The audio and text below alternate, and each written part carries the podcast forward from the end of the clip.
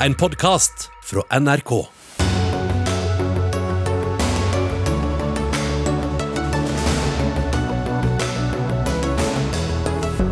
Norge bør ikke beholde de enorme ekstrainntektene vi får som følge av krigen i Ukraina, mener økonomiprofessor Kalle Mone. Han mener pengene moralsk sett ikke tilhører oss. Skiskytterforbundet kjører opptil 100 lastebillass med snø for å få arrangert sesongåpning på Sjusjøen i helgen. Trist at forbundet bidrar til klimaendringene som ødelegger for sporten deres, sier Natur og Ungdom. Senterungdommen KRF, beskylder KrF for å være kristendommens største fiende. Det er ikke KrFU særlig enig i. Og Venstre vil forby all import og profesjonelt salg av pels. Hvorfor skal vi forby det mest miljøvennlige som finnes, spør pelshandlernes egen organisasjon. Av dette og mer til får du i Dagsnytt 18 på NRK1 og NRK P2. Jeg heter Sigrid Solund. Ukrainernes framgang på slagmarken ser ut til å fortsette, også etter at russerne i går annonserte at de trekker seg ut av den viktige byen Kherson. Mens ukrainerne har lidd i månedsvis, har den norske statsformuen vokst, ifølge beregninger med over 1000 ekstra milliarder kroner i olje- og gassinntekter pga. krigen. De pengene er moralsk sett ikke våre, skriver du sammen med professor Ottar Mestad i Aftenposten, Kalle Mone. Du er økonom og professor ved Universitetet i Oslo. Men hva betyr det at inntekter ikke er moralsk sett våre? Vi tjener jo på dette at det, det skjer en ulykke overfor en annen gruppe i vårt nærområde. Og, og, det betyr at prisene stiger enormt på energi. og Ikke bare på gass, men mest på gass, men også på olje. Og det betyr økte utgifter, altså en uflaks for andre grupper, både i Europa og i utviklingsland. Og dette er at inntekter som kommer med ren, som ren flaks, eh, forårsaket av en katastrofe, er på en måte ikke legitime inntekter. Spesielt ikke når det direkte motsvares av ekstra utgifter for fattige folk, f.eks. i Nord-Afrika. Ja, du sier at vi er blitt ufrivillige passive krigsprofitører. og Hva bør da skje med disse pengene? etter ditt? Altså, ufrivillig passive krigsprofitører betyr dette at vi, vi er ikke skyld i at disse inntektene kommer, men, eh, men, vi må bære konsekvensene av det å oppføre oss som skikkelige, høvelige mennesker. og eh, det som bør gjøres, det aller beste forslaget synes jeg det vil være å opprette et, et fond med et klart mandat som skal fordele disse pengene til eh, nødtiltak, inklusiv gjenoppbyggingen av Ukraina. Og Det ville være en veldig god start med 1000 milliarder. Det er veldig mye penger. Og Da kunne vi også invitere andre land til å bidra. Og Nødhjelp er underfinansiert i verden, har vært det lenge. Dette vil være en god anledning. Det er økt nød i, i, i mange utviklingsland og i andre land. Og dette her vil være et veldig godt tiltak til å uh, bøte på dette. Geir Pollestad, du er parlamentarisk nestleder og finanspolitisk salgsperson i regjeringspartiet Senterpartiet. Mm, pengene er moralsk sett ikke våre, er du enig i det? Nei, det er jeg ikke enig i. Jeg mener at det viktigste vi kan gjøre, og som vi gjør, det er å selge mye, så mye gass vi klarer til eh, Europa. Så er det sånn at gassprisene de eh, svinger. Men det er jo andre ting som går mer ned. så vi har jo, Selv om disse inntektene nå har gått inn på oljefondet, så er jo faktisk verdien på oljefondet lavere nå eh, enn ved årets eh, start. Og så eh, er det heller ikke flaks, for det ligger en vilje, en politisk vilje til at vi skal opprettholde gass- og oljeindustrien i Norge. Og etter, at krigen har, og etter at krigen har starta, så har vi òg økt produksjonen. Og det er jo det viktigste bidraget vi kan gi til Europa. Det er nok gass. Og det blir ikke mer gass av å senke prisen. Jeg har ikke sagt noe om å senke noe pris i det hele tatt. Eh, jeg har ikke noe forslag om det i det hele tatt. Jeg mener vi skal kompensere taperne, og de taperne jeg bryr meg mest om i, i vårt forslag, er, er, tapere som er i land som er veldig fattige, som lider under at de må importere energi. Det er alt snakk om at, at oljefondet, som vi kaller det, at det har gått ned i verdi pga. krigen. Det er midlertidig, og det vet alle veldig godt, så det er et eh, litt dårlig argument. For vi vet at finanskrisen, vi tjente på finanskrisen, for vi trenger ikke selge. Vi ville, hvis vi skulle selge de aksjene som har sunket i verdi nå, så ville vi tape. Men nå uh, dette tar seg opp igjen, og da vil vi høyst sannsynlig kanskje være nettotjener også på det. Men vi har jo tjent tidligere også på kriser, kriger, hvor hvor Norge har kommet veldig godt ut. Vi er en stor våpeneksporter. Hva er egentlig moralsk sett riktige inntekter for Norge Jeg kan og begynne med det groveste, og det groveste er når det er superhøye inntekter som er andres folk urimelige utgifter. Vi begynner der, men det kan godt gå videre. for etter min sak, Hvis det, hvis det er sånn at, at en syns det er for lite, så er det lett å komme med, med forslag. Første gangen jeg foreslo dette, var i 1982, og er gjentatt i forskjellige versjoner i, og med forskjellige argumenter alt etter hvordan situasjonen har vært. Så det er ikke noe jeg har funnet på akkurat nå. Men det er jo sånn, Pollestad, Norge tjener jo veldig mye penger på andres elendighet. Hvorfor skal ikke de samme pengene gå tilbake til de som uh, har den elendigheten? Det er klart Olje og gass eh, har gitt oss eh, svære inntekter. Jeg tror for velstanden i Europa så er det at de har nok gass det aller Men er det, noen, er det noen motsetning mellom det? da? Kan man ikke både selge masse Jo, gass og sette er penger inn på og så blir det nærmest her framstilt som at ikke Norge gjør noen ting. Altså, Vi er blant de landene som bidrar mest til Ukraina. Vi tar i løpet av disse to årene imot 70 000 flyktninger eh, fra Ukraina. Det er et viktig bidrag. Vi gir militært utstyr til Ukraina. sånn at det å bidra til Ukraina Vi har også lagt opp til at eh, den generelle bistanden skal økes med 2,5 milliard til neste år. Sånn at eh, det å framstille som at Norge her ikke gjør masse ting, det er feil. Og det viktigste vi har greid sammen med selskaper på sokkelen, det er at vi har økt produksjonen med 10 sagt. Mm. Og det er enormt viktig for folk i Europa. Altså, Jeg har ikke sagt at, vi, at Norge ikke bidrar på noen ting. Jeg bare sier at vi får 1000 milliarder i ekstra inntekter pga. krigen per år. Det er 200 000 per innbygger i Norge. Det betyr at det er noen andre som betaler dette, eh, og deriblant eh, land som har veldig lav inntekt. Den saken kan isoleres helt fra hvor mye gass og olje vi produserer og eventuelt kan bidra til å stabilisere Europa. Denne saken har med omfordeling å gjøre. Kompensere de uheldige med de som har vært ekstremt heldige. Vi. Men du, du sa nettopp også at du har, for, du har foreslått dette ved gjentatte anledninger, så da mener du vel egentlig bare at vi alltid burde gi mye mer penger, da, i stedet for at det akkurat nå skal vi sette inn dette på et fond? Kanskje det, at det, at, at det vil helle i den retning, men det er en ekstraordinær god grunn til å gjøre det akkurat nå. Eh, og Det går ikke an å bruke imot det forslaget at det har, kommet en lignende forslag tidligere. Jeg foreslo under tsunamien for eksempel, at det kunne opprette et fond. Tsunamier blir alltid underfinansiert i hjelpetiltakene. Når kameraene er slått av, så er det, kommer ikke de hjelpetiltakene som folk har lovet. Med et fond så kunne få dette her skikkelig på beina, rask hjelp. Og det ville være kjempebehov for eh, til veldig mange land. Et Krisefond, da, egentlig. Jo, men det som jeg reagerer på i dette, er liksom denne tanken om at vi skal ha så dårlig samvittighet. Det, det er jeg uenig i. Så er det en diskusjon om hvor mye vi skal gi i bistand og hjelp i ulike situasjoner. Den kan en godt ta. Og så er det òg en del av historien at uh, fram til for en del år siden så solgte jo Norge gass til Europa på fastprisavtaler. Og så ønsket landene i større grad å gå over på spotpris. Det betyr at de i lange perioder har hatt billige eh, gass. Eh, Og nå har de eh, noe dyrere gass. Og så bruker vi det handlingsrommet til å bl.a. hjelpe Ukraina, ta imot flyktninger fra Ukraina og ha et høyt nivå på den generelle bistanden. Og der tror jeg altså Det skal vi også gjøre i framtida. Okay. Og vi trenger ikke ha dårlig samvittighet for at vi bidrar med gass til Europa. Dårlig samvittighet. Dårlig samvittighet, Det er ikke poenget her, men det gjør å de riktige tingene. Altså, Med utgangspunkt i de alle kjente eh, kriterier for rettferdighet, så er det slik at vi er blitt mye rikere, så gir vi ikke en mindre andel vekk.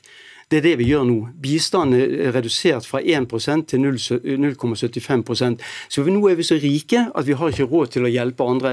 Det syns jeg er pinlig. Men du Det er krigsprofitører, Det- det tenker jeg at det er ja, for drøyt. men det er det jo mange flere enn Mone som har beskyldt Norge for å være, og i litt hardere eh, ordelag også. FN har gjort det. Jeg mener det er feil begrep. Jeg mener at uh, vi stiller opp for Ukraina. Jeg mener vi stiller opp for uh, Europa. Vi eh, har jo også i Norge dyre strømpriser som Men hvorfor tror du at vi får det stempelet, da? Krigsprofitør? Nei, Det er klart vi tjener mye penger på olje og gass. Det gjør vi. Men eh, mitt inntrykk er at eh, de europeiske landene er opptatt av én ting, og det er at vi skal selge mye gass til dem. Og det er ikke et entydig krav om f.eks. makspris på gassen. Eh, og, det, og Norge stiller opp på lik linje med alle andre. Og vi har jo i dag donert 1,5 milliard til eh, et våpenfond, eh, og der ligger jo det som er det aller, aller viktigste. At vi faktisk stiller opp, enten det er her ja. eller andre plasser i verden det er krise. Vi må avslutte straks, men Mone, er det ikke da bedre at man heller gir når det er krise, sånn som man har gjort nå til Ukraina, i stedet for å ha et fond som eh, innebærer kanskje masse byråkrati, og så får man brukt opp, og så får man ikke brukt opp, og så Vi har laget oss kontrollmekanismer for hvordan oljefondet disponeres, som er veldig begrensende for eh, umiddelbare tiltak. F.eks. at vi skal ha den handlingsregelen, som jeg støtter. Men dette er penger som ikke skulle tilhøre oss i det hele tatt. Det er ekstragevinster som er illegitime etter mitt syn, og etter mange andre syn. Gå på gaten i Oslo og spør folk, og de fleste folkene syns at en regjering som jeg i og for seg sympatiserer med, oppfører seg pinlig gjerrig i denne saken. Da tror jeg du skal gå på gata litt rundt i hele landet. Ja. og Der tror jeg du finner veldig få som går rundt med dårlig samvittighet for at vi hjelper Europa med gass. Jeg er litt avhengig av hvem man snakker med, antagelig. Takk skal dere ha begge to, Kalle Mone og Geir Pollestad.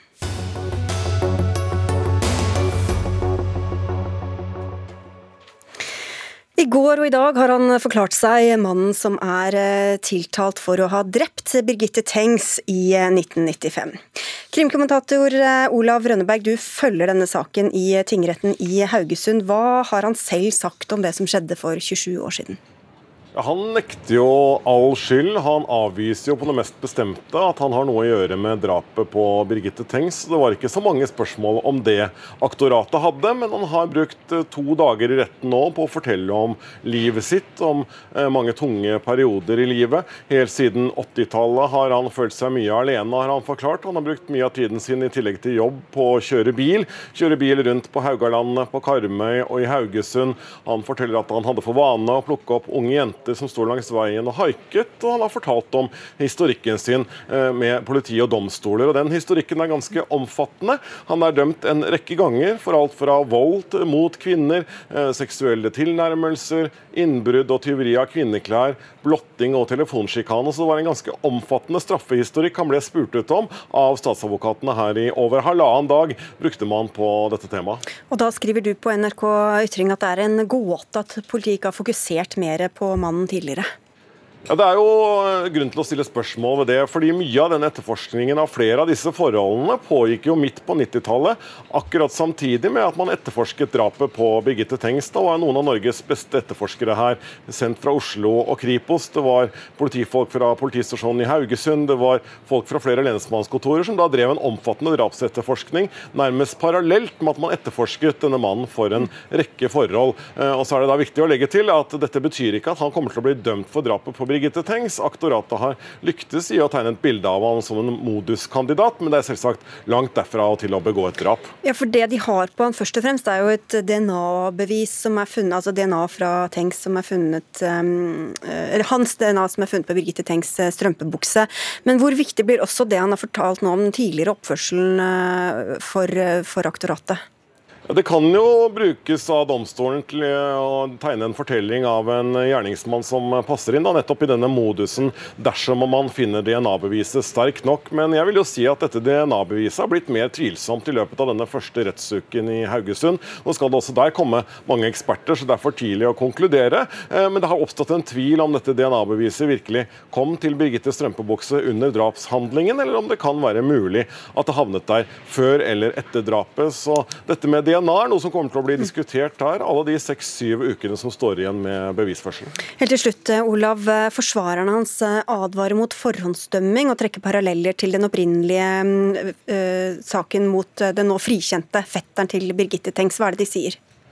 De mener jo at det er paralleller her mellom den ensporede etterforskningen av fetteren og det de mener er en ensporet etterforskning av denne mannen. og De har jo advart retten mot å følge påtalemyndighetens argumentasjon i denne saken. og det er klart at Dommerne må jo være på vakt for dette. Eh, vi har jo sett at det har vært krevende for denne mannen å forklare seg. her. Han har brutt sammen i gråt flere ganger. og Dersom han er uskyldig, eh, så er det jo helt åpenbart en stor belastning at han eh, sitter i tiltalebenken nå. og det er klart, Domstolen må jo frifinne han hvis ikke de finner det helt helt, helt sikkert, nærmere 100% sikkert, at han er skyldig. Du følger saken videre, Olav Rønneberg. Takk skal du ha for at du var med i Dagsnytt 18.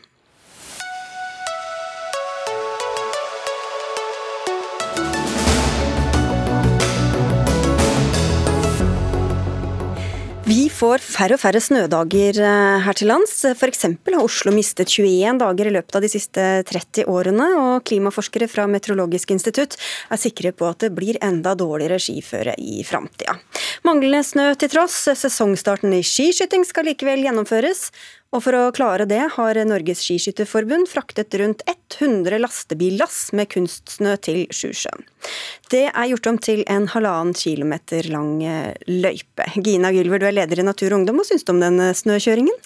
For meg er det jo et uh, trist bilde på egentlig tiden vi lever i, uh, og klimakrisen generelt. Uh, vi står i en krise, det blir varmere, snøen forsvinner, og i stedet for å bruke denne anledningen til å virkelig få alarmklokkene til å ringe og snakke om fremtiden til idretten, så dekker man over den grå, bløte hverdagen og virkeligheten med fake hvit snø. Sånn at det er, det er veldig synd. Ja, hvorfor plasser dere på problemet på denne måten, Morten Djupvik, du er generalsekretær i Norges Skiskytterforbund? Ja, jeg er jo ikke helt enig i at vi plastrer uh, på det. Altså, for all del så er det sånn at eh, det er jo ikke noen ønskelig situasjon uh, for vår del heller. Vi er veldig avhengige av den snøen, og vi syns jo mer enn noen at det er trist at det ikke finnes snø akkurat nå. Så er det likevel sånn at så lenge skiskyting liksom går på snø, så er det viktig måte, for vår del at våre utøvere òg er godt forberedt på det som møter dem der ute. og det handler om at vi ønsker å være med og skape stolte øyeblikk. Eh, vi ønsker å skape samhold og nasjonal eh, følelse, og ønsker òg å tenke litt, litt, videre på det. Så er vi helt innforstått med at den situasjonen som er nå, den er eh, Kall det kritisk. Det er alvorlig for eh, oss, og det er alvorlig for veldig mange andre. Så det er ikke sånn at vi Jeg mener ikke at vi er blåøyde og ikke ser alvoret i dette her, men, men, men for vår del nå så er det viktig måte òg å ivareta idretten. Hva er alvoret, da? Alvoret er jo selvfølgelig at nå er vi jo veldig uheldige i år da, med at det er mildvær eh, overalt. Så er det selvfølgelig sånn, Du skal ikke mer enn et år enn to tilbake, så var det bedre forhold på, på Sjusjøen når vi hadde eh, åpning. Men den tendensen er jo negativ, det, det, må vi jo bare innse. Eh, samtidig så ønsker vi på en måte, eh, og vi tror at eh, hvis du er glad i vinteren, så blir du òg bedre til å ta vare på eh, snøen. og Det er viktig eh, for oss, for vi lever av snøen, og vi er helt avhengig eh, av snø. Jeg ville jo gått eh, motsatt vei. på en måte Hvis vi skal få eh, sørge for at det finnes en bærekraftig fremtid nettopp for denne idretten, så må vi også ta klimakrisen på alvor. Og Dere har en enorm stor flate og plattform til å nettopp kommunisere et viktig budskap som handler om hva er fremtiden for denne idretten. Og Fortsetter vi å være like handlingslamma i klimapolitikken som det vi er, og ikke minst ikke ta inn over oss alvoret. Én av fire nordmenn er klimaskeptikere. Der kunne dere bidratt, brukt denne sjansen, og likevel så er det på en måte å kjøre lastebillass med snø opp som er reaksjonen. Nå, er så, nå bruker vi den snøen som er på Sjusjøen, sånn det som er transportert til, er jo liksom et, et supplement. Og vi skulle gjerne vært det supplementet eh, foruten. Men eh, Altså, det er ikke sånn at vi, ikke sånn at ikke vi gjør noen ting. Vi, har, vi setter jo i gang nå liksom i Skiskytterforbundet en stor og, og omfattende måte, strategi som går på, på, bærekraft. Det betyr ikke at vi kan kutte alt som har med snø å gjøre. Eh, for vi, vi, er avhengig av den eh, snøen, og vi må prøve å påvirke på den måten som vi kan påvirke på. Vi har òg dialog med Det internasjonale skiforbundet, det har vært nevnt her, i forhold til å eventuelt måtte utsette eh, sesongstart. Det kan være et, eh, et, et eh, virkemiddel. Altså, det løser jo ikke klimakrisen på noe som helst måte, men kanskje er det mer å bedre snøforhold senere på vinteren. Men jeg tror at vi er nødt til å spille på eh, andre ting enn bare akkurat eller tidspunktet for når vi starter. Er det Skiskytterforbundet som skal drive med klimapolitikk her til lands, da, Gylver? Når vi står i en eksistensiell krise, så er det ikke sånn at, dette er en, at du kan skille eh, politikk fra alle andre deler av samfunnet. Um, dette her handler om fremtiden for sport, for kultur, for økonomi, for arbeidsliv, for alt det eh, som er viktig i Norge, som vi bygger fremtiden på alle har et ansvar i å kommunisere krisen. Og når du også snakker om at trenden er nedadgående, eller på en måte ja, det kommer til å bli litt varmere Nei. Det er en eksistensiell klimatrussel og klimakrise, og der må dere også kommunisere bedre. Og jeg tror at eh, dere kunne hatt en enorm påvirkning hvis dere valgte å bruke denne sjansen, det at dere må kjøre opp snø for å kunne ha sesongstart, til å si shit, folkens, det er krise. Ja, Hva sier dere utover at dere, det er dumt for alle som går på ski at ikke det er snø? Ja, Det betyr jo veldig mye. For vi er jo veldig opptatt av at barn og unge måte, som vokser opp i dag, skal måte, få gleden av eh, å, å, gå på ski. Og vi skal absolutt måtte, ta vår, vår del av eh, Hvordan kommuniserer dere det, da? Til, som, hvis, dere, hvis, dere, gjør det, da, som Gylver etterlyser her? Nei, det vi, det vi må altså, Vi er jo avhengig av eh, den snøen. Vi jobber jo med, vi har jo et eh, prosjekt sammen med bl.a. Eh, Skiforbundet nå som heter Snow for the Future, da vi jobber med hvordan vi måtte, kan produsere eh, snø på en framtidsretta og så lite miljøfiendtlig måte. Eh, som mulig. Men vi klarer ikke oss uten den snøen. Kanskje på en måte vil skiskyting en gang i framtida være kun på rulleski, men enn så lenge så er det sånn at så lenge på en måte det internasjonale skiskytterforbundet har en termin, så er vi nødt til å forholde oss litt til resten av verden. Men dere blir etterlyst som en viktig stemme her. Altså, hva, hva sier dere utover at det er dumt at ikke det er snø, og at vi skal lage snø mer bærekraftig? Hva sier dere om sammenhengene her? Ja, Sammenhengen er jo at altså, vi, vi, skal jo gjøre det vi eh, kan. og så er Det sånn, det, er ikke, det er ikke kun måte opp til oss heller. Vi er jo på en måte en del av en, eh, en internasjonal eh, idrett så vi er nødt til, til, å forholde oss eh, litt til. Men vi jobber sammen med bl.a. IBU, Internasjonale Skiskytterforbundet, se på muligheter for hvordan kan vi eventuelt måtte forskyve starten. Kan vi arrangere på en måte flere renn på, på ett og samme sted for, for, å slippe å reise. Så Det er jo ikke sånn at vi sitter og ikke gjør noen ting. Jeg skal absolutt ikke si at vi er best i klassen. Men vi eh, prøver. Men vi som driver med vinteridrett, har helt klart en utfordring i forhold til snø. Hvorfor tror du at flere vil høre på Skiskytterforbundet, på forskerne og politikerne og alle de andre som snakker om dette her, da, Gulver? Eh, som sagt, Når én av fire nordmenn er klimaskeptikere, etter at forskere har ropt om dette i mange tider, så skjønner vi jo at det kanskje ikke er det som når best frem. Og nordmenn elsker vinteridrett. Er kjempeopptatt av det. Jeg tror, når du sier også at dette, dere gjør det dere kan, og det er ikke bare opp til dere, eh, og at dere må høre på de internasjonale aktørene og sånn, jeg tror ikke på at internasjonale forbund og aktører sier dere får ikke lov til å rope varsko om klimakrisen. Jo, vi roper varsko sammen med det internasjonale skiskytterforbundet. Det, det, gjør vi så absolutt. Men det ville jo ikke løst måtte, noen krise om vi hadde måttet kutte det løpet vårt eller de løpene som vi har på, på Lillehammer eh, akkurat nå. Verdenscupen ville gå sin gang. Og vi på en måte ønsker, vi tror at hvis vi kan være med å påvirke, så påvirker vi på en måte gjennom gode resultat og være med å, på, og, og være med og skape de stolte eh, øyeblikkene på på NRK og andre kanaler. Jan Bette Saltvedt, du er sportskommentator her i NRK. Stadig kortere vintre og høyere temperaturer er vel ikke bare et problem for de som eh, driver med skiskyting. Hvordan eh, forholder vinteridretten seg til eh, denne trenden? Nei, Akkurat nå så er det en reell, og man kan godt kalle det en eksistensiell krise. Også for vinteridrettene av alpinrenn, som skulle ha vært arrangert til nå, så er det veldig mange som bare har blitt avlyst. Det er ikke lenger snakk om å utsette, for de ser liksom ingen mulighet for at eh, det skal bli satt opp et annet sted eh, i løpet av eh, vinteren. Og så kommer skiskytinga og skal starte med noe altså Vi kan ikke skylde på den internasjonale kalenderen her. Dette er et nasjonalt renn. Og det å kjøre være 70 eller 100 lastebillass med snø opp fra Lillehammer, hvor det egentlig kunne ha vært, til Sjusjøen ha et renn der. Og så skal man jo i tillegg vurdere om man skal kjøre den snøen tilbake. Er så langt fra bærekraft, så vi kan ikke snakke om å plastre over her. Det er et sted mellom å bandasjere og begynne å finne fram en eh, hjertestarter. Jeg tenker at det eneste signalet skiskytingen på vegne av vinteridrettene her hjemme, og dere er først eh, ute eh, på hjemmebane, burde ha sendt, er at dette er ikke bærekraftig på noe nivå akkurat nå, og avlyst. Eh, I stedet bruker de veldig mye ressurser på eh, noe som virker som en litt for desperat handling, og som jeg tror virker litt mot eh, de hensiktene du uttrykker at dere ønsker å, å utstråle. Ja, det, er ikke, det, er absolutt ikke sånn vi ønsker å ha det framover. Bare sånn at eh, det er sagt. Og jeg føler heller ikke at vi er eh, desperate. Vi ønsker veldig gjerne å arrangere det regirennet, for vi vet måte, hva det betyr både for de som skal være med og gå her, vi vet hva det betyr måte, for barn og unge å se på måte, sine idol eh, på TV. Og det er heller ikke snakk om 70 eller 100, kanskje halvparten av de lassene. Men ja, vi har supplert med noe snø på Lillehammer. Vi hadde i utgangspunktet flytta det ned til Lillehammer. Hvorfor men, kunne du ikke blitt der? Jo, fordi at poenget at det var, var mye mer bilkjøring, og det var et av argumentene for å flytte det opp igjen. var at Da ble det mye mye mindre snø å eh, transportere, pluss at mange andre ting måtte også flyttes ned til landet. Så det med, med bærekraft og gjøre på en måte så det lite miljøfiendtlig som mulig, var jo et av argumentene for å flytte det opp igjen til Sjusjøen. For meg så høres det veldig rart ut at du sier at det ikke kan være på Lillehammer, og så i stedet kjøre snøen fra Lillehammer til Sjusjøen og tilbake igjen.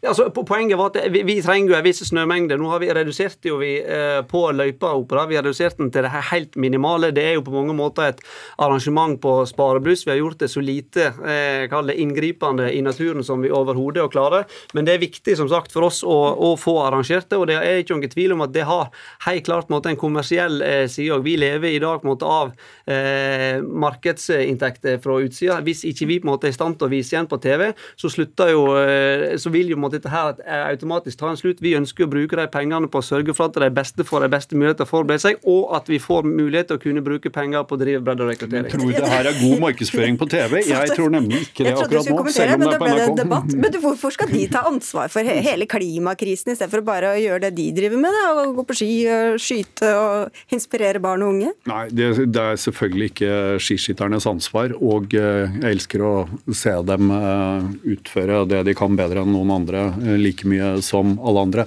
Men det er en grense for hvor mye det skal koste å kunne gjøre det. Det er veldig klimasensitivt, det de holder på med. Så er Morten Djupvik allerede inne på uh, tanker om hvordan man kan gjøre dette annerledes framover. For jeg tror de allerede nå må begynne å tenke sånn, om det er på rulleski eller om det er å komprimere sesongen på et tidspunkt hvor forhåpentligvis det er litt mer uh, snø, så jeg slipper å sitte og være vanskelig overfra når det gjelder det. vi må takke av det. Debatterende sportskommentator eh, Jan Petter Saltvedt, Morten Djupvik, generalsekretær i Norsk Skiskytterforbund, og Gina Gulver, leder leder i Natur og Ungdom. Takk skal dere ha for at dere kom.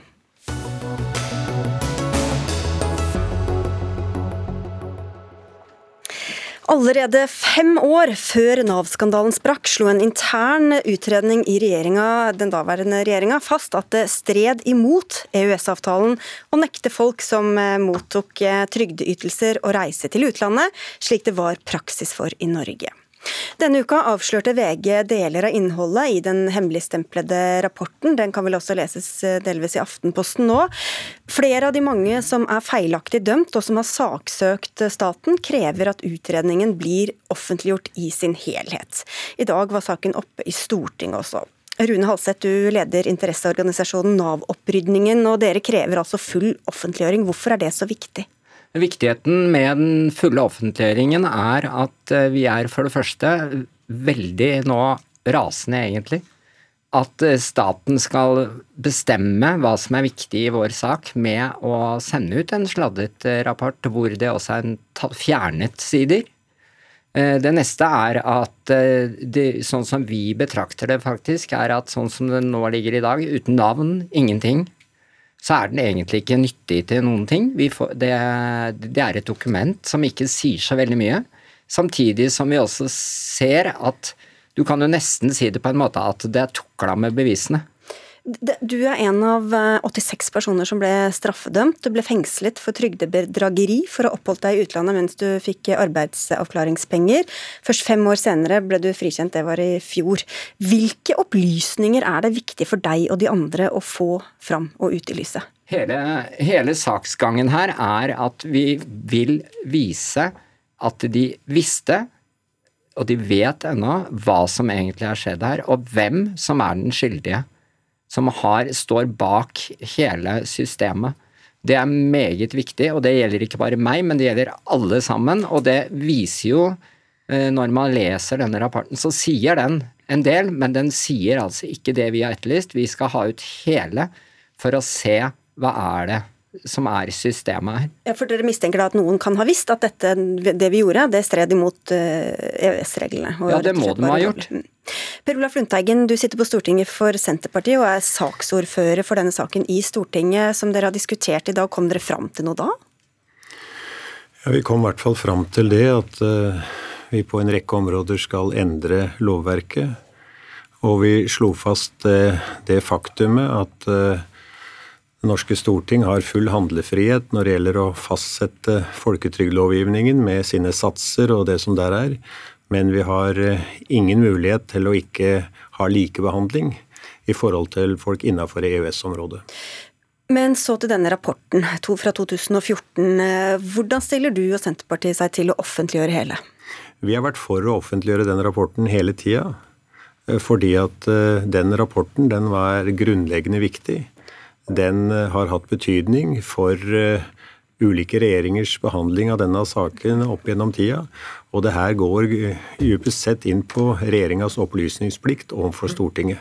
Men her er det altså litt uh, forskjellige meninger. Arbeiderpartiets representanter og ansvarlig statsråd Marte Mjøs Persen sier til VG i dag at det er opp til den forrige regjeringen å fri rapporten. Henrik Asheim, du satt uh, i den. I dag sitter du på Stortinget for um, Høyre. Mm. Vil dere frigjøre den rapporten? Nei, altså dette er jo en rapport som uh, dette utvalget som har sjekket hele Nav-skandalen, altså hvordan kunne dette skje.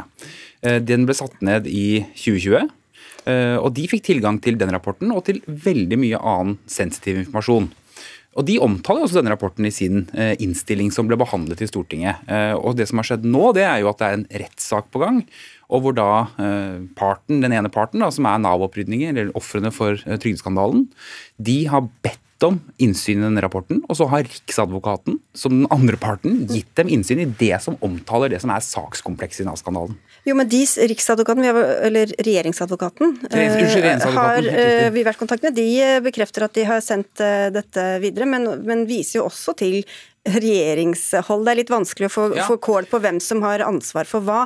Og din partikollega da, Anniken Hauglie, som også var statsråd, hun sa at alt skulle fram i lyset. Hvorfor ja. gjelder ikke det likevel? Jo, det gjelder, og det er dette som dette utvalget som har gjennomgått alt materiell, også har fått tilgang til. Altså Det er altså slik at statsansatte f.eks. hadde en plikt til å forklare seg. Offentligheten får ikke vite det. Nei, men dette er jo fordi dette er en eh, intern rapport som er laget av embetsverket for internkommunikasjon. Det er den samme praksisen som den forrige rød-grønne regjeringen hadde, og som vi hadde, og som den nåværende regjeringen har. Nemlig at den typen informasjon ikke går ut offentlig, men at den er gitt til et utvalg som skulle evaluere hele Nav-skandalen. Men den ble bestilt av regjeringen. Hvem visste hva som sto i den rapporten? Det visste jo selvfølgelig både eh, den politiske ledelsen. Dette var jo grunnlaget for en stortingsmelding. Ja, ja, dette var en stortingsmelding ja. som ble lagt frem for Stortinget i 2017. Så da kan det hende at de har sett gjennom fingrene med en praksis som de visste var ulovlig. Men dette er jo hele essensen i trygdeskandalen. Dette er hele ja. essensen. Det er jo at eh, på den ene siden så har man hatt utredninger og rapporter som har vist at eh, EØS-retten er slik Eh, det har ikke vært bestridt om departementet visste at EØS-retten var slik, men man hadde ingen kultur for å belyse det. Nav praktiserte et annet regelverk uten at noen sjekket det. Stortinget stilte ikke spørsmål om det. Høyesterett dømte feil ut fra det lovverket. Hvorfor skal ikke offentligheten få vite hvem som visste hva, da? Jo, fordi Det som er utfordringen med en sånn rapport, er at den er en interne rapport inni regjeringen som skrives av embetsverket. Og det som er viktig, det er å ha en kultur også internt i departementene for at man kan skrive og si hva man vil til politisk ledelse uten at alt skal ut i offentligheten. Ok, Vi må få med deg også, da. Se her, Aydar. Du sitter på Stortinget for Rødt og medlem av kontroll- og konstitusjonskomiteen. Hvem har ansvar for hva? Vet du hva, Jeg syns eh, det er helt avgjørende at den rapporten nå blir offentliggjort. For vi må se på sakens kjerne, at mennesker har blitt fratatt livsviktige ytelser. De har blitt straffeforfulgt og fengsla. Og det er ikke de som har gjort noe galt, det er staten. Og i denne rapporten så kan vi få frem fakta om det var uaktsomt, altså om staten eller etatene eller departementene handlet eh, mot bedrevitende. Om de visste hva som skjedde. Og det er Hele sakens uh, kjerne handler om de bare Eh, de som ble offer for denne skandalen, skal bare få det økonomiske tapet, eller også kompensasjon for eh, psykiske, livs, eh, psykiske eh, plagene som det fulgte etter, alle, alle, tapene de har hatt i livet sitt. Dette her handler om mennesker ble offer for noe som skjedde. Og vi kan ikke bare lukke det kapitlet. Og så må jeg bare ja, men informere om bare, få med deg også, Halseth. Altså, hvorfor er det så, dere, All skyld er jo lagt på andre. Dere, har, dere, får jo oppreisning og frikjennelse. Hvorfor er det så viktig å, å frigjøre akkurat disse disse liksom, hvem, Hvilke navn som visste hva? Det kan belyse hele saken, og det har også noe med vår vitneførsel i selve saken. Vi, vi, vet jo ikke egentlig hvem vi da skal stevne som vitner, som står i dette, denne såkalte rapporten. Og videre, det vi også lurer veldig på, er egentlig hvem bestemte egentlig plutselig at den skulle åpnes? Hvem trykka på den knappen? Åpnes, hva mener du med det? At de plutselig skulle sende denne rapporten ut. Til, til oss. Altså i sladda versjon? I sladda versjon, og hvem satt egentlig og sladda okay, den? Kan du svare altså, det, Asheim? Ja, Det er det da regjeringsadvokaten på tatt beslutning på, fordi det er en rettssak mellom regjeringsadvokaten og øh, flere av dere. Og da er det en annen praksis, for da er det på en måte hva skal den ene parten gi til den andre for å få belyst saken? Uh, og det har man fått, men den er ikke offentliggjort av den grunn, selv om den lekket relativt raskt. Men hva kan dere gjøre da nå, da? Eller hva skal da bør skje, Lundteigen? Altså, Vi har jo behandla det nå i komiteen, og der har vi et eget avsnitt som går på opplysning opplysning, regjeringas opplysningsplikt overfor Stortinget. Og det er jo helt klart at eh, Stortingets eh, eh, kontrollfunksjon den kan jo ikke ivaretas av et regjeringsoppnevnt utvalg, altså Finn Arnesen-utvalget. Hvorfor er ikke du mer bekymret for dette med interne dokumenter og nedsatte Fordi utvalg? Fordi at det her er et regjeringsoppnevnt utvalg fra, med ulike embetsfolk med deltakelse også da fra eh, regjeringsadvokaten. Og det har vi en helt annen eh, holdning til enn når det gjelder interne regjeringsdokumenter. Men programleder, det som er virkelig alvorlig i denne saken, det er jo at regjeringer har presentert dokumenter for Stortinget som ikke er korrekte. Jeg har her altså, eh, når regjeringa la fram eh, folketrygdlovens endringer der om arbeidsavklaringspenger og tilleggsstønader til arbeidsretta tiltak, så foreslo departementet å lovfeste Navs praksis, og dermed i praksis innskjerpe oppholdskravene for arbeidsavklaringspenger i loven, i strid med den forordningen som her er. Så her har jo ulike regjeringer gjort ting som er direkte feil, og det har jo medvirka til at vi har den denne EØS-trygdeskandalen. Og da må jo Stortingets kontrollfunksjon tre i kraft, og det er kontroll- og konstitusjonskomiteen som sitter midt i det. Okay, få på det. Men dette er jo nettopp det som ble gjort. ikke sant? Fordi Når man da har også en del graderte dokumenter som man bør få innsyn i, så setter man ned et Arnesen-utvalget som altså vi laget en egen lov som sa at de fikk lov til å lese alle interne regjeringsnotater fra 94 og frem til i dag. De fikk all den type informasjon. De kunne pålegge statsansatte og vitne og forklare seg. De kunne jo ikke gå ut med den informasjonen som da de fikk beskjed om at var Dette eh, unntatt offentlighet? Dette endte jo da opp i en stor, tykk NOU som heter Blindsonen. Ja, for, for, okay, altså, for det første, det er Stortinget selv som kan ivareta sin kontrollfunksjon. og kontrollkomiteen er veldig vant til å behandle graderte dokumenter. Det hadde vi klart å gjøre i dette tilfellet også, men det fikk vi aldri. For det andre eh, Nei, nettopp. Men poenget er at du sa at du, du nevnte det. Poenget er at man kan eh, behandle eh, offentlige, uoffentlige, grad, alle typer dokumenter om, om regjeringa tillater det. Men da, men da det, mener du at kontroll- og konstitusjonskomiteen skal få det, ikke at det skal offentliggjøres? Vi, vi mener at eh, det skal offentliggjøres, fordi her handler det om at vi har historias største justismord. Ja, men det kan jo være veldig offre. sensitiv informasjon. Det, det kan være kanskje noe som er fare for rikets sikkerhet. Hva vet vi? Skal det bare offentliggjøres helt uten videre? Saken, dette her er ikke en regjeringsnotat. Dette her er eh, fagdokument som kan opplyse viktig informasjon som kan sørge for at vi har det grunnlaget vi trenger for å gå videre med denne saken. Hvis vi faktisk på ekte skal snu hver stein og for å sørge for rettferdighet og, og ikke gjenta de samme feilene, så er vi nødt til å ha åpenhet. Det er ingen grunn til å holde tilbake den viktige informasjonen. Det var Senterpartiet for, og så ble de mot, og nå er de for igjen, tydeligvis, og det er veldig bra. Og jeg håper virkelig at vi kan få med regjeringen til å sørge for, sørge for at det blir åpenhet. Det jeg i hvert fall vil poengtere her, det er at det, man hele tiden nå snakker om et skravert dokument. Gradert? Eller skravert? Det, ja, skravert, sladda, kall det hva som helst. Ja, og da er vi inne på det vesentlig viktige at staten skal altså bestemme, eller under regjeringsadvokaten, skal sitte og bestemme hva som er viktig i min sak. Altså I en rettsstat så er det slik at når bevisene skal fram, så er det ikke da motparten som skal bestemme hva som er viktig i rettssaken. Det vil nesten si det samme som hvis du har en kniv som uten blod og den andre har blod, så skal du altså si nei, du får den uten blod, for det bestemmer jeg, for den er viktig. Den med blod i en mordsak, nei, den skal vi bare putte bort. Så ille er det faktisk her. Så vi står fortsatt på vårt. Den rapporten skal ut i sin helhet. Ja, vi har også invitert Marte Mjøs Persen, altså DAV, nåværende arbeids- og inkluderingsminister. Hun eh, takket nei til å delta. Men Lundteigen, hva skjer nå da? Ja, Det som skjedde i dag, det var jo at vi behandla innstillinga.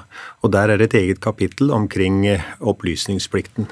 Altså regjeringas opplysningsplikt overfor eh, Stortinget. Og der var det veldig gledelig, fordi at både Arbeiderpartiet, Senterpartiet, SV og Rødt påpekte behovet her for å ha korrekt informasjon til Stortinget. Og vi påpekte at det ikke hadde skjedd. Dessverre så var Høyre og Fremskrittspartiet ikke med på de merknadene som gikk på der sånn. Så det som nå er saken, det er at vi må etablere et flertall på Stortinget for å få den rapporten over til eh, Stortinget. Og så får en da vurdere om den skal være eh, til bare kontrollkomiteens interne eh, vurdering, altså ikke offentliggjøres, eller om den skal være offentliggjøres. Men det må fram, fordi at det som er kjernen, det er at Stortingets kontroll kontrollfunksjon, den ivaretas ikke av Finn Arnesen-utvalget. Sånn er ikke konstitusjonen ivaretatt. Som er det utvalget fra 2020 som, som fikk tilgang til denne rapporten vi snakker Korrekt. om. Ja. Altså, men, men, og regjeringa kommer til å støtte en offentliggjøring hvis vi foreslår det igjen? Jeg veit ikke hva regjeringa gjør. Jeg sier her at det som er nå avgjørende, er å etablere et flertall. Og det har vi per i dag ikke. Og det som eh, skjedde ved behandlinga i dag, det var at Arbeiderpartiet, Senterpartiet, SV og Rødt ønska å gå inn her å gjennomføre opplysningsplikten overfor Stortinget på en korrekt måte. Dessverre så var ikke Høyre og Fremskrittspartiet med på det. Men mulig jeg teller dere, men jeg vet, at, det på, de, jeg vet at dere har flertall på meningsmålingen, men de har vel ikke flertall på Stortinget som eh, per dags dato? Hvis Arbeiderpartiet og Senterpartiet sier ja til å offentliggjøre det, så har vi flertall til å gjøre nettopp det. Det er helt korrekt, og denne saken her er grunnleggende viktig. og den Så da blir det kontrollbehandling? Vi får se da? nå hva som, hva som regjeringa gjør, og hva som okay. statsministerens kontor gjør. For det er statsministerens kontor som sitter her helt sentralt i denne saken. Puh, ja, vi får med Henrik Asheim på slutten her også. Nei, altså bare for å, for å klargjøre dette. Vi har i dag vedtatt endringer i loven slik at man sørger for at denne typen ting ikke skjer igjen. Men noe av skandalen her er jo nettopp at ikke informasjonen gikk rundt, at ikke man tydeliggjorde alle disse tingene. Eh, Og det er det man nå må rydde opp i. Det andre er bare til Lundteigens orientering. Vi har jo spurt eh, utenriksministeren om en lignende sak, hvor hun har svart at eh, nei, vi følger den samme praksisen som forrige regjeringen. Vi deler ikke ut interne dokumenter.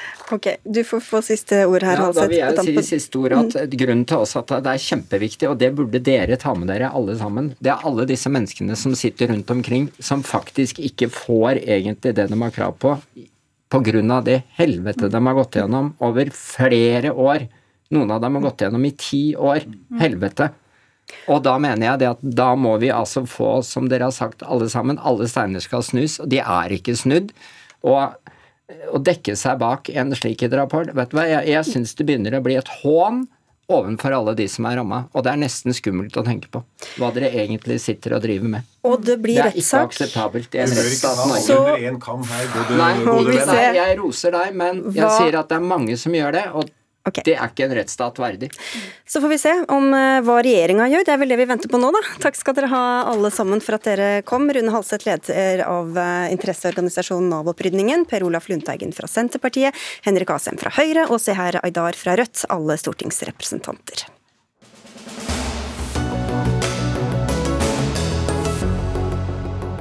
Og vi skifter tema helt, som vi har for vane i Dagsnytt 18. Eh, Kristelig Folkeparti er kristendommens største fiende. Disse ordene i et debattinnlegg i Aftenposten kommer fra deg, sentralstyremedlem i Senterungdommen Dordi Lerum. Det er kanskje ikke helt intuitivt å skjønne hva du mener. Eh, Hvorfor skriver du dette?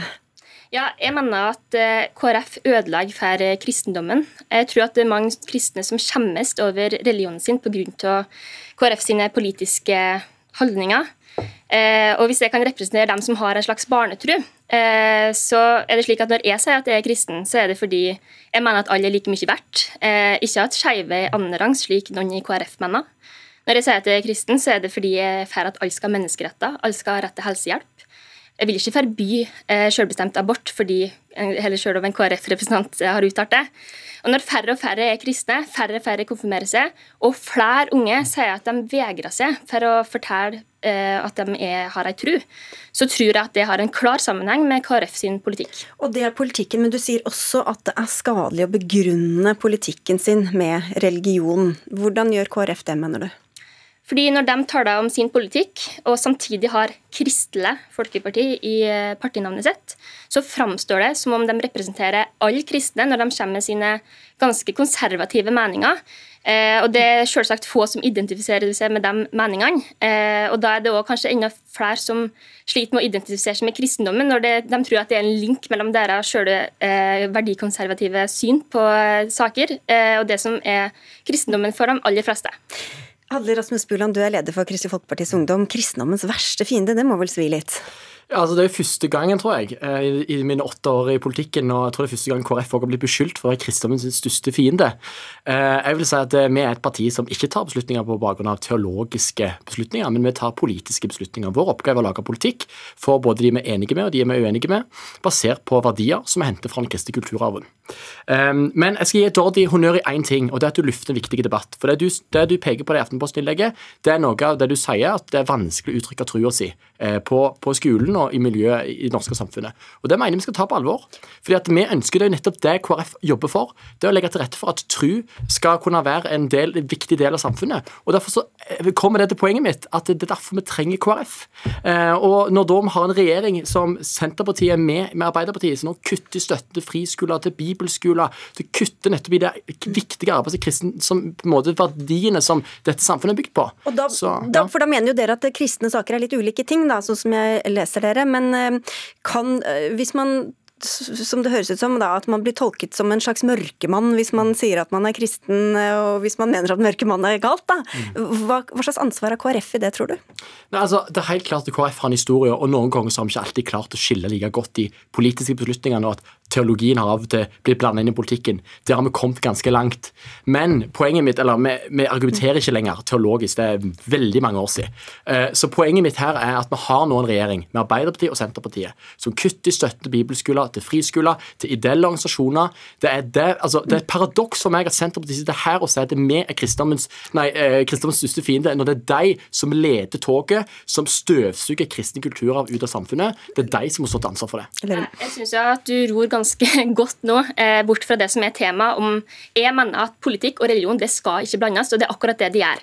Eh, I deres formålsparagraf, formålsparagrafen til KrF så står det masse om kristen greier. og eh, samme Hvis du skal være tillitsvalgt i KrF, så må du òg fremme det kristne verdisynet.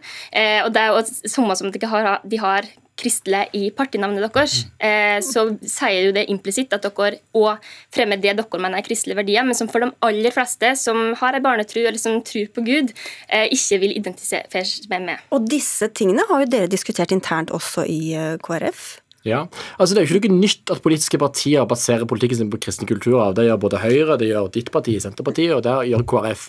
Altså, Med til... Bekjennelsesparagraf Ja, det, det, har vi fjerna for mange år siden. Men, men, poenget mitt er at vi tilhører en kristendemokratisk bevegelse i Europa, den største idétradisjonen i Europa, som har formet det demokratiet vi har. Det er den bevegelsen vi har. Med søster, vårt søsterparti er CDU i Tyskland, med Angela Merkels parti. Sånn at det, det, er ikke noe nytt at vi har partier som bygger, verdien, nei, bygger politikken sin på verdier henta fra den kristne kulturen. Og jeg mener en styrke. Jeg er stolt jeg, av å representere et parti som representerer nettopp at ja, trua er en, men, en, sentral del i det samfunnet vi har. men, men for Hva er egentlig forskjellen da, når det Senterpartiet som er tuftet på uh, kristne verdier og humanistiske verdier, og det KrF uh, er tuftet på? Jo, eh, For Senterungdommen, så er det, eller Senterpartiet, eh, så er det en stor skillnad på å ta vare på den kristne kulturarven og det å skulle, at alle tillitsvalgte må fremme den kristne eh, verdisynet. Eh, og det som egentlig, det som jeg tror at begge vi to er enige i, at tro og religion i samfunnet det er klokt, det er sunt. Eh, men når det er så få som, altså det er færre og færre som er religiøse, som er kristne, som konfirmerer seg, eh, så tror jeg at KrF må innse at eh, det at de er så konservativ i mange av de her debattene, er en av grunnene til at færre unge vil identifisere seg med kristendommen. Mm. Altså, jeg må, jeg, For min del så er jeg stolt av å tilhøre et parti som nettopp lufter f.eks. etikken foran teknikken. At vi er føre var når partier på Stortinget ønsker å heilvendt tøye strikken f.eks. når bioteknologiloven er til behandling. Eller sånn som dere gjør nå i regjering med å utvide, utrede eh, ny abortlov, så risikerer at vi får en abortlov som, eh, som tillater fri abort fram til uke 18. Bare noen så, så konservative verdier er et honnørord for deg på et vis? Nei, jeg mener at vi har noen verdier bygd på den kristne kulturarven oppgaven som er monner ut i praktisk politikk, som skal svare på de utfordringene vi har. Og da er jeg stolt av at vi har et parti som nettopp løfter de verdidebattene som ingen andre tar, som Senterpartiet viker på og blir med på Arbeiderpartiet. Der har jo dere generelt eh, hatt ganske mye overlappende politikk, akkurat når det gjelder bioteknologi. De kjenner ikke igjen når de havner i regjering. Nei, og, og, da er vi tilbake der vi begynte, da, siden du straks er tom for tid, så kan du Hvorfor er det mer kristelig å kutte i kristne skoler og ikke ha gudstjenester og det ene med det andre. Det er ikke det denne debatten handler om. Det, denne debatten handler om hvorvidt en blander politikk og religion. Og det er akkurat det KrF gjør, gang på gang på gang, og begrunner sine valg i eh, religionen. Og det mener jeg er så feil, fordi at for mange, inkludert meg sjøl, så er ikke å skrenke inn kvinners rettigheter, eh, så er ikke det å ikke gå i pride kristne verdier. Eh, altså det, denne debatten handler om at du sier at KrF er kristendommens største fiende.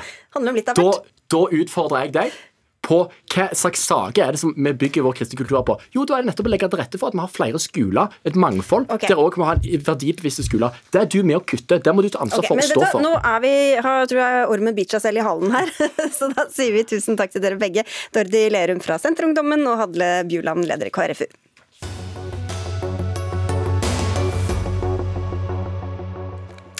Om drøye to år skal det ikke lenger være pelsdyroppdrett i Norge. Da blir det forbudt. Og nå bør det også vedtas et forbud mot å importere pels og selge det i norske butikker, foreslår du og en partikollega på Stortinget, Alfred Bjørlo. Du sitter i næringskomiteen på Stortinget for Venstre. Hvorfor er dette et riktig neste skritt, etter deres syn?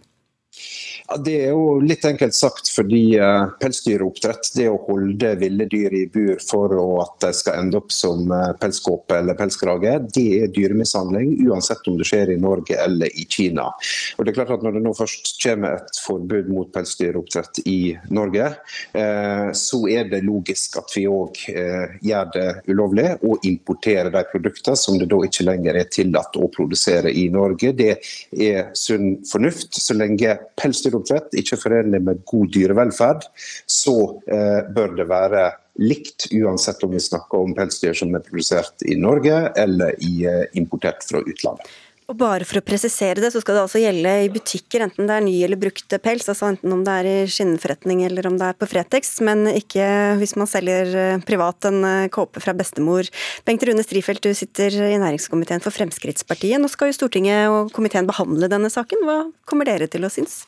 Vi syns jo ikke det er noe god idé å forby import eh, av pels til næringsvirksomhet. Du kan eh, på mange måter bestille deg en pelskåpe fra Kina som privatperson.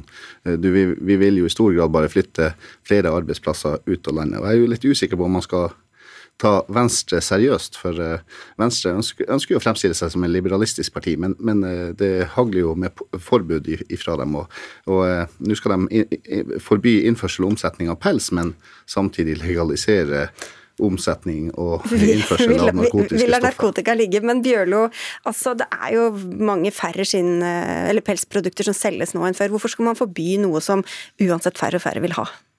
Ikke helt korrekt som du sier at dette er noe færre og færre vil ha, og sier at det truer eh, norske arbeidsplasser er nå en eh, høyt omdiskutert påstand. Poenget er jo at for det første, vi er ikke et liberalistisk parti, det er det Frp som er. Vi er et liberalt parti. Det betyr at vi vil gi folk frihet, men vi er også opptatt av framtidige generasjoner sin frihet og naturen og dyr, dyr sin egenverdi. Og dette handler rett og slett om at eh, dyre, av dyrevelferdsmessige grunner så kan vi ikke gå god for en praksis der du holder ville dyr i bur. Og vi kan ikke si at det er greit bare å importere dem fra et diktatur som Kina, mens vi ikke vil ha det dersom det blir produsert nær oss i Norge. Det, det gir ingen okay. logikk. Det er like ille uansett om det skjer i Kina eller i Norge. Strifelt, dere var jo egentlig mot dette forbudet mot pelsdyroppdrett også, men gikk med på de forhandlinger med Venstre. Men argumentet mot nedleggelse var jo bl.a. at eh, det norske pelsdyrholdet var mye bedre enn det det var i andre land. Så hvis man ikke skal kjøpe norsk, hvor, hvorfor er det da bra å kjøpe fra andre land som har dårligere dyrehold? Eh, vi ønsker jo ikke å legge ned pelsdyrnæringa i Norge, for vi, vi, mener jo at eh, den norske, norske pelsdyrnæringa hadde dyrevelferd på, eh, virkelig på, på agendaen. Næringsdrivende som driver med omsetning av pelsdyr, har mulighet til å stille krav til oppdretterne sine. Ved at vi nå forbyr import av pels fra utlandet, vil jo medføre at vi parkerer oss litt på sidelinja med å, å påvirke den politikken og dyrevelferden hos andre oppdrettere, som absolutt klarer å selge det til, til andre markeder. Og så er, jo, så er, det jo, sånn at vi, vi har jo tro på at forbrukerne er oppegående og tar fornuftige valg. Og som uh, Bjørlo er inne på, salg av pels har gått ned. Og uh, det er jo forbrukerne sjøl som velger bort de produktene. Og vi har, vi har tro på at at forbrukerne kan ta de nødvendige, riktige valgene. Vi skal snakke med en som kjenner bransjen godt, og det er deg, Jannike Romøren Eriksen. Du leder Pelsinform, du er buntmaker, og, du er, og dette er altså hovedorganisasjonen til pelshandlere. Hva synes du om dette forslaget? Nei, altså I første omgang så vil jeg jo si at eh, jeg synes det høres vanskelig å få gjennomslag for noe sånt, fordi vi er jo faktisk underlagt en del regler fra EU. Um, så, så i første omgang så ser jeg jo en del problemer med det, da, i og med at vi er tilknytta EU. Mm. Eh, og så syns jeg jo det er et paradoks at man skal forby import av et produkt som faktisk kan skilte med den eh, største og høyeste bærekraftigheten av alle plagga vi går med. altså I et overflodssamfunn som det vi lever i nå, eh, hvor vi egentlig har lyst til å, å, minimere konsumet vårt eh, av klær, så er jo i hvert fall pels, som varer i 30-40-50 år og kan gjenbrukes eh, ja, utallige ganger. Eh, også veldig spesielt eh, at vi ønsker å forby det. Um, vi, vi, tar det videre før vi går, kommer tilbake til deg. Bjørlo, altså alternativet er kanskje fuskepels som er laget av olje. Det brytes ikke ned i naturen, det gir fra seg mikroplast. Hvordan er det bedre enn å ha en skinnkåpe som har gått i arv og som selges eh, i bruktbutikken flere tiår etter produksjonen? Mm. Altså En skinnkåpe som er gått i arv skal det fortsatt være lov å gå med. Det har ikke vi tenkt å ja, gripe inn i. Det, du får ikke lov å kjøpe Nei. den på Fretex eller andre steder? Nei, og ikke ha et marked til det. Og det, handler om altså for det første dette med, med, EU og internasjonale regler. Det er klart at Så lenge det er lov å produsere pels i Norge, så blir det feil i forhold til internasjonalt regelverk å innføre et importforbud. Så Derfor foreslår vi å innføre dette fra det tidspunktet det er forbudt mm, å produsere pels i Norge. Men til dette med bærekraft, ja, det, Dette er rett og slett ikke rett, det som blir påstått. Vi vet at Dette er en myte at pels er et miljøvennlig produkt. Vi vet at skinnene blir behandla gjentatte ganger med giftige kjemikalier før det blir brukt som tekstil. Vi vet at luftforurensninga fra pelsindustri er høyere enn i alle andre klesindustrier, for en bruker bl.a. veldig mye ammoniakk. Og CO2-utslippene fra pelsoppdrett er også høyere. Minkpels gjennom hele produksjonskjeden av pelsdyr gir f.eks. sju ganger så høyt CO2-utslipp som ull, som er en miljøvennlig vare. Og det er klart pels fra dyr som blir brukt til mat, eller skinn fra dyr som blir brukt til mat og ull, det er noe annet. Og det er veldig bra, og det er bærekraftig. Okay. Det, det, det, ristes kraftig på hodet i studio i Tønsberg her. Ja, det, du, dyrevelferden har du vært inne på. Er, Eriksen, ta dette med bærekraften, da. Eh, ja, hvor skal jeg begynne? Eh, det hagler jo med motargumenter her som i hvert fall ikke har hold i virkeligheten. Eh, CO2-utslipp, hva er det du snakker om? Vi har det laveste CO2-utslippet fordelt på antall år. En pels har en levealder på 30-40-50 50 år. Slå den, ingenting. Og når det kommer til hva eh, du bruker av klær, har du på deg olabukse i dag? Hvor mange kjemikalier tror du ikke den olabuksa di inneholder? Er det ikke bedre at vi fortsetter å produsere et produkt som faktisk holder i mange, mange tiår? Enn det er at vi konsumerer eh, et stort forbruk av klær vi bare hiver. Akryl bl.a., som er miljøkriminalitetens versting. Og så kan du sitte og påstå alle disse her Jeg skulle ønske at jeg hadde muligheten til å gi deg mer dokumentasjon enn det du disse påstandene du kommer med her. Jeg kan for, formidle kontakt, men du, bare for å få det praktisk her, Eriksen. altså Én ting er jo svære pels... Um, frakker eller kåper, da, det ser man jo veldig tydelig. Men hva med sånne jakker med pelskrage f.eks.? Hvor lett tror du det blir å mm. stanse i, i, um, over grensa? Nei, altså um, Hva skal han si? Uh, det må jo sertifiseres. Altså, vi har jo en, en sertifiseringsordning gjennom IFF som heter Furmark. Uh, og der går det an å sertifisere veldig mye. Men Hvorfor er ikke du bekymra mer for dyrene og dyrevelferden, da? Nei, eh, fordi at vi har forskning som viser at uh, dette er ikke dyremishandling. Altså, han påstår her at det er ville dyr i bur. Nei, det er ikke ville dyr i bur. Det er domestiserte, bur, domestiserte dyr som har sittet i det buret i hundrevis av år, holdt jeg på å si, her i Norge. Så de er ikke ville. Jeg har sjøl både båret og holdt en sølvrev. Jeg er jo mer redd for en kanin enn en sølvrev, så du kan ikke komme og si at det er ville dyr i bur. Det høres jo helt malplassert ut. Men, altså, men det er jo her vi er grunnleggende uenige. Eh, pelsdyroppdrett er ikke forsvarlig ut fra dyrevelferdsomsyn. Det er det grunnleggende poenget her. Og ingen må iallfall tro at det blir drevet bedre pelsdyroppdrett ut fra dyrevelferdsomsyn i Kina enn i Norge. Eh, og det er det vi her snakker om. Og det å forsvare denne praksisen, det ser vi eh, Denne diskusjonen har beveget seg enormt fort i mange land. Nå er det snart 20 europeiske land som har eller er i ferd med å innføre forbud mot pelsdyroppdrett. Eh, vi ser at store deler av moteindustrien og klesindustrien sier at dette går ikke. Vi kan kan ikke forsvare at vi oppdretter ville dyr i bur, ikke pga. kjøtt og mat, men for at vi skal slakte dem og bruke dem som pelskrage. Det er ikke god dyr. Er du klar over at det faktisk 80% av dyret går med, uh, blir brukt? Det er ikke bare for pelsens skyld. Her blir det brukt med olje uh, fra, fra, kropper, som også går med. 80% faktisk. Og slutt å bruke det ordet ville dyr, det blir så malplassert. Dere, vi skal uh, nærme oss slutten her. Eh, Bengt Rune. Strifeldt fra Fremskrittspartiet. Nå skal det jo behandles, det skal ikke voteres over før etter jul. Men hva tror du er sjansen for å få gjennom dette, da? Jeg tror ikke Venstre vil få et flertall for dette forslaget. Det vil eh, forundre meg stort. Jeg tror forbrukerne er dem som mm. tar de oppegående valgene. Og dem som ønsker å bruke en pelskrage, vil også kunne fortsette å få det på sin jakke fremover. Nå sitter ikke forbrukerne på Stortinget. da. Ti sekunder på tampen her, Bjørlo. Hva tror du om sjansene? Eh, jeg tror de er ganske gode. Vi vet at fra undersøkelser at over 80% av norske forbrukere allerede ser at de sier at de ikke ønsker å kjøpe pelsprodukt. De er i ferd med å bli faset ut av store deler av Europa. Eh, morgendagens forbrukere vil ikke gå med Tre, pels som er laga av dyr. 10 sekunder over. Dere, jeg må takke dere alle. Vi er eh, tomme for tid, rett og slett, i Dagsnytt 18. Det var Erlend Rønneberg som hadde ansvaret for innholdet, Eli Kyrkjebø det tekniske. Mitt navn er Sigrid Solund.